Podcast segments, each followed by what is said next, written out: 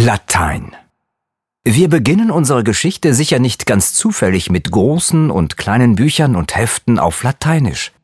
Sage und schreibe 62 Prozent der Bücher, die Plantin herausgegeben hat, wurden in der Sprache der alten Römer verfasst. Latein war in seiner Zeit die Sprache der Wissenschaft, der Elite und natürlich der Kirche.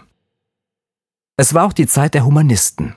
Große Gelehrte setzten sich für mehr Bildung ein und nutzten die Errungenschaften der alten Griechen und Römer als Inspirationsquelle.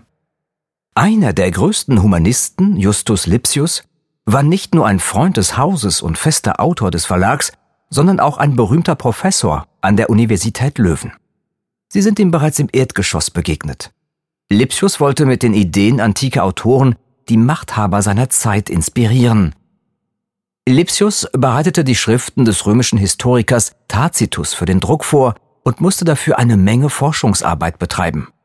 Alte Manuskripte miteinander vergleichen, Verbesserungen anbringen, den korrekten Text erstellen. Schauen Sie sich neben Lipsius Tacitus Bearbeitung auch das Büchlein eines weiteren großen Humanisten aus den Niederlanden an. Es stammt von Erasmus von Rotterdam.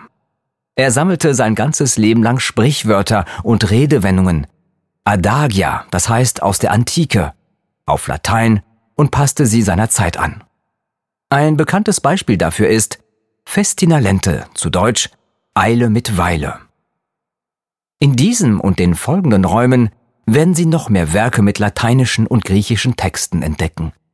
Oft handelt es sich dabei um billige Ausgaben, die beispielsweise in der Schule verwendet wurden. Für Plantin war das ein äußerst ergiebiger Markt.